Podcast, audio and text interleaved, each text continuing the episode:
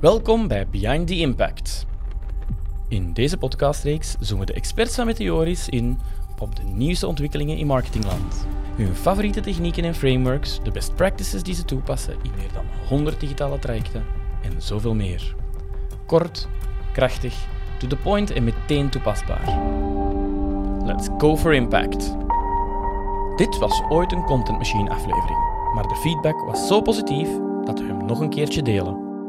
Welkom Frederik, uh, welkom nog eens bij onze podcast. Ik ben uh, blij om hier voor de tweede keer te zijn. Ook al is het eigenlijk maar de eerste keer, uh, want we hadden net echt een supergoeie podcast opgenomen en dan bleek dat mijn camera, die camera, in super slow motion stond. Dus ja, er was eigenlijk niks aan te maken. Dus we hadden wel het geluid en we hebben snippets van één camera. We gaan die zeker en vast gebruiken. We gaan er ook iets meer over vertellen. Maar laat ons zeggen, we gaan dat gewoon opnieuw doen. We gaan zo super spontaan we gaan alles alle grapjes, nog eens vertellen. Ja, alle grapjes uh, die dat we er straks gemaakt hebben, gewoon nu super spontaan maken. De mensen gaan dat niet doorhebben. Voilà. Dus, waarover wou ik het met u hebben? Um, contentcreatie, uiteraard, uh, want daar gaat deze podcast over. Maar vooral uh, informatiedeling en het aankoopproces. Want we zien dat er daar toch een shift gebeurd is, 10 à 5 jaar uh, ten opzichte van nu, waar dat we zien vroeger Vroeger was er meer, ja, we gaan er ergens bellen en we laten een verkoper komen en die mag ons een uitleg komen geven. Mhm. Waarin dat we nu zeggen van kijk, de, de, de, klant komt eigenlijk al geïnformeerd toe vooraleer dat hij een eerste contact opneemt. Voilà. En, en dus dat was inderdaad ook een punt dat ik wou maken. Dus het is het informatiemoment waarin dat uw potentiële koper geïnformeerd wordt, is eigenlijk verschoven naar voordat hij contact opneemt. Uh, ik ben nu al een tijdje op zoek dan een potentiële nieuwe auto. Mhm. Ehm, en ik denk dat nu, behalve jij en uh, alle grote techbedrijven, uh, uh, dat, dat, niemand dat weet. Dus er is geen enkele garage, er is geen, geen enkel dealership die daarvan op de hoogte is. Mhm. Waarom? Ik heb eigenlijk nergens mijn gegevens achtergelaten. Ik kan perfect op basis van YouTube-reviews, op basis van ja, car-reviews, gewoon kijken van oké, wat past er bij mij? Ik kan alle specs opzoeken. Ik kan al uh, de auto perfect in, uh, configureren met de prijs erbij. Ik heb niet zo heel veel nood uh, om direct mijn garage contact op te nemen. Mhm. Nu, ik heb nog de keuze tussen drie modellen. Ja. Uh, en daarvoor ga ik misschien inderdaad wel binnenkort een testrit aanvragen.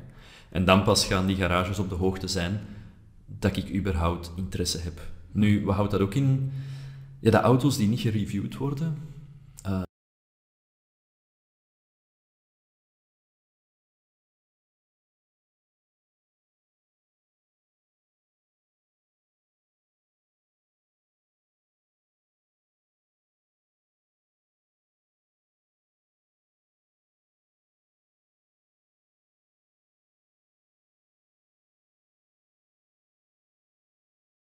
Bedrijf bent dat naar boven komt als ze op zoek gaan naar content. Mhm.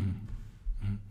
Ja, en, en eigenlijk, je zit al zover in je proces, vooraleer dat je iets van contact hebt opgenomen, dat het boeken van een testrit, het kan alleen nog maar slecht uitdraaien voor de dingen. Eigenlijk, je weet al van als het goed zit, zoals dat ik het verwacht had, mhm. als de pedals nog altijd on de, on de, op de juiste plaats staan en de versnelling is nog altijd zo, mhm. dan kan er eigenlijk niks meer, er kan eigenlijk niks meer mislopen. Dus dat. Ik kom eigenlijk met een heel sterke koopintentie die testrit doen en als ik toch het gevoel heb van, god, dat interieur is toch iets te veel van plastic of zo, mm dat staat mij niet aan. Oké, okay, dat zal misschien iets anders zijn. Maar als het is zoals ik mijn opzoekwerk heb gedaan, mhm. ja, dan, dan is dat eigenlijk moet, moet die sales mij alleen nog maar ja, de bal binnenkoppen, zeg maar. Ja, dat, dat, begrijp ik. Bijvoorbeeld een case bij mezelf. Ik werk voor iemand die uh, zonnepanelen legt. Mhm. Ehm, vroeger kwam er daar een aanvraag binnen van, ja kijk, zonnepanelen, is dat eigenlijk iets voor mij? Kan er eens even met mij iemand komen over babbelen om eens te mhm. kijken wat dat voor mij interessant is? Aanvragen die nu binnenkomen is, uh, kunnen jullie uh, voltaïsche zwarte zonnepanelen leggen op mijn uh, lichthelm dak van zoveel graden en dat zullen er ongeveer een 12 moeten zijn, stuur mij een offerte alsjeblieft. Dat is een totaal andere manier. Die persoon weet of denkt te weten wat hij nodig heeft. Mhm. En als die prijs en die offerte niet goed is, dan gaat hij dat meteen kopen. Dan is er geen opvolging nodig. Dan is dat niet nog drie reminders dat je moet sturen van ah, meneer, ben je nog geïnteresseerd of kan ik uw case sluiten? Nee, als die offerte goed is, gaat die mens dat gewoon kopen. Dat is anders zoals dat vroeger was. Vroeger moesten dan, ja, en ben je nog geïnteresseerd en zo. Kijk.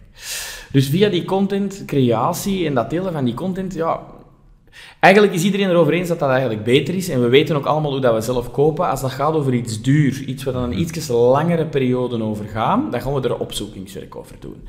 Dat weet eigenlijk iedereen. En toch zijn er nog bedrijven die daar redelijk wel wat bezwaren hebben uh, aan die contentdeling, aan die kennisdeling. En dan de grootste ja. is, ja, maar ik wil mijn concurrenten niet slimmer maken. Ja, dat is inderdaad ene die dat die dat wij veel horen en ook een die dat ik al heel lang hoor. Ik ben zelf opgegroeid in een KMO. Ik heb uh, mijn vader moeten pushen om op Facebook te gaan. Dat was niet heel makkelijk, want de concurrent ging inderdaad alles weten. Uh, nu, in alle eerlijkheid is niet dat er heel veel zotte dingen bij ons gebeurden. Het enige wat er gebeurde is dat er uiteindelijk gewoon zichzelf, vanuit zichzelf um, potentiële werknemers hebben aangeboden, mhm. kwalitatieve werknemers. Dus dat was eigenlijk employer branding mm -hmm. avant la lettre.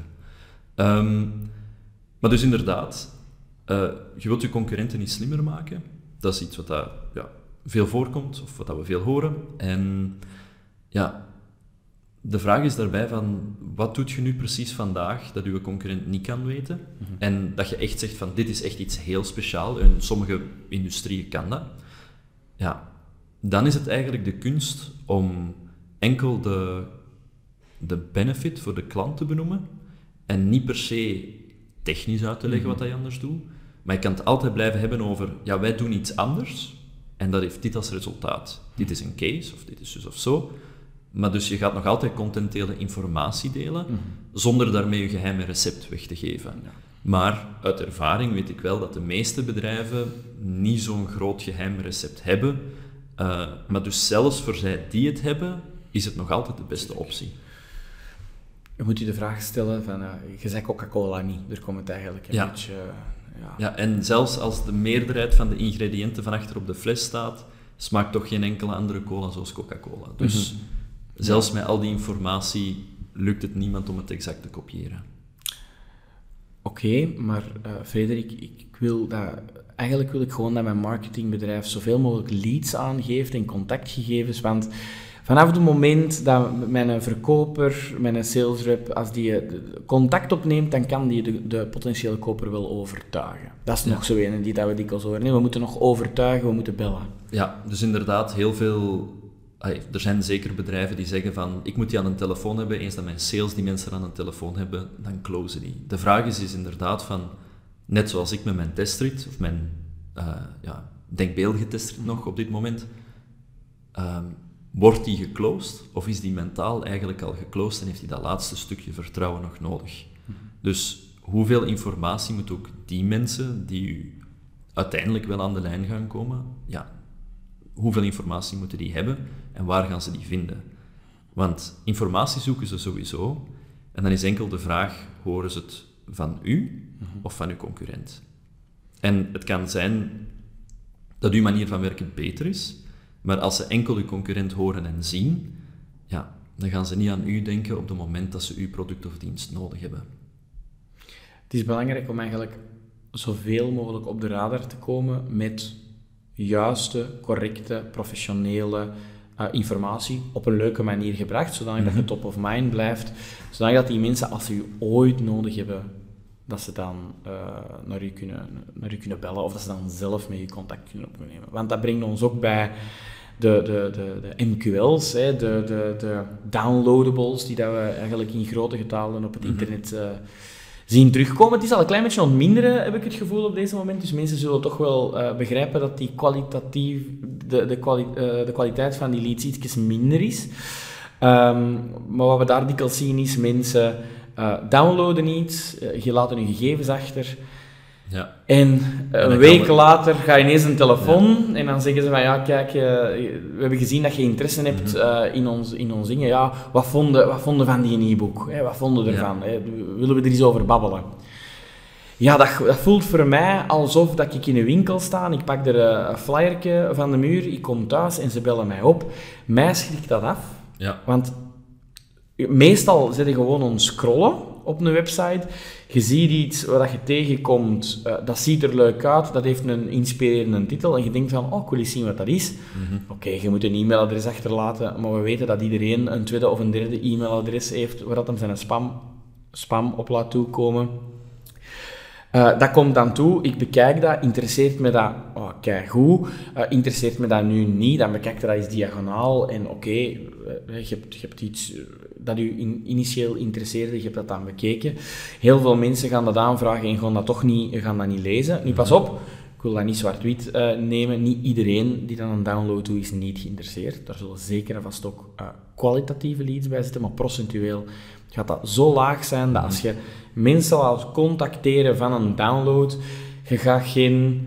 Je sales gaat daar niet, gaat daar niet blij van worden. De, de, de, de link tussen marketing en sales is soms heel broos en dat komt door de, kwalita de kwaliteit van de leads meestal.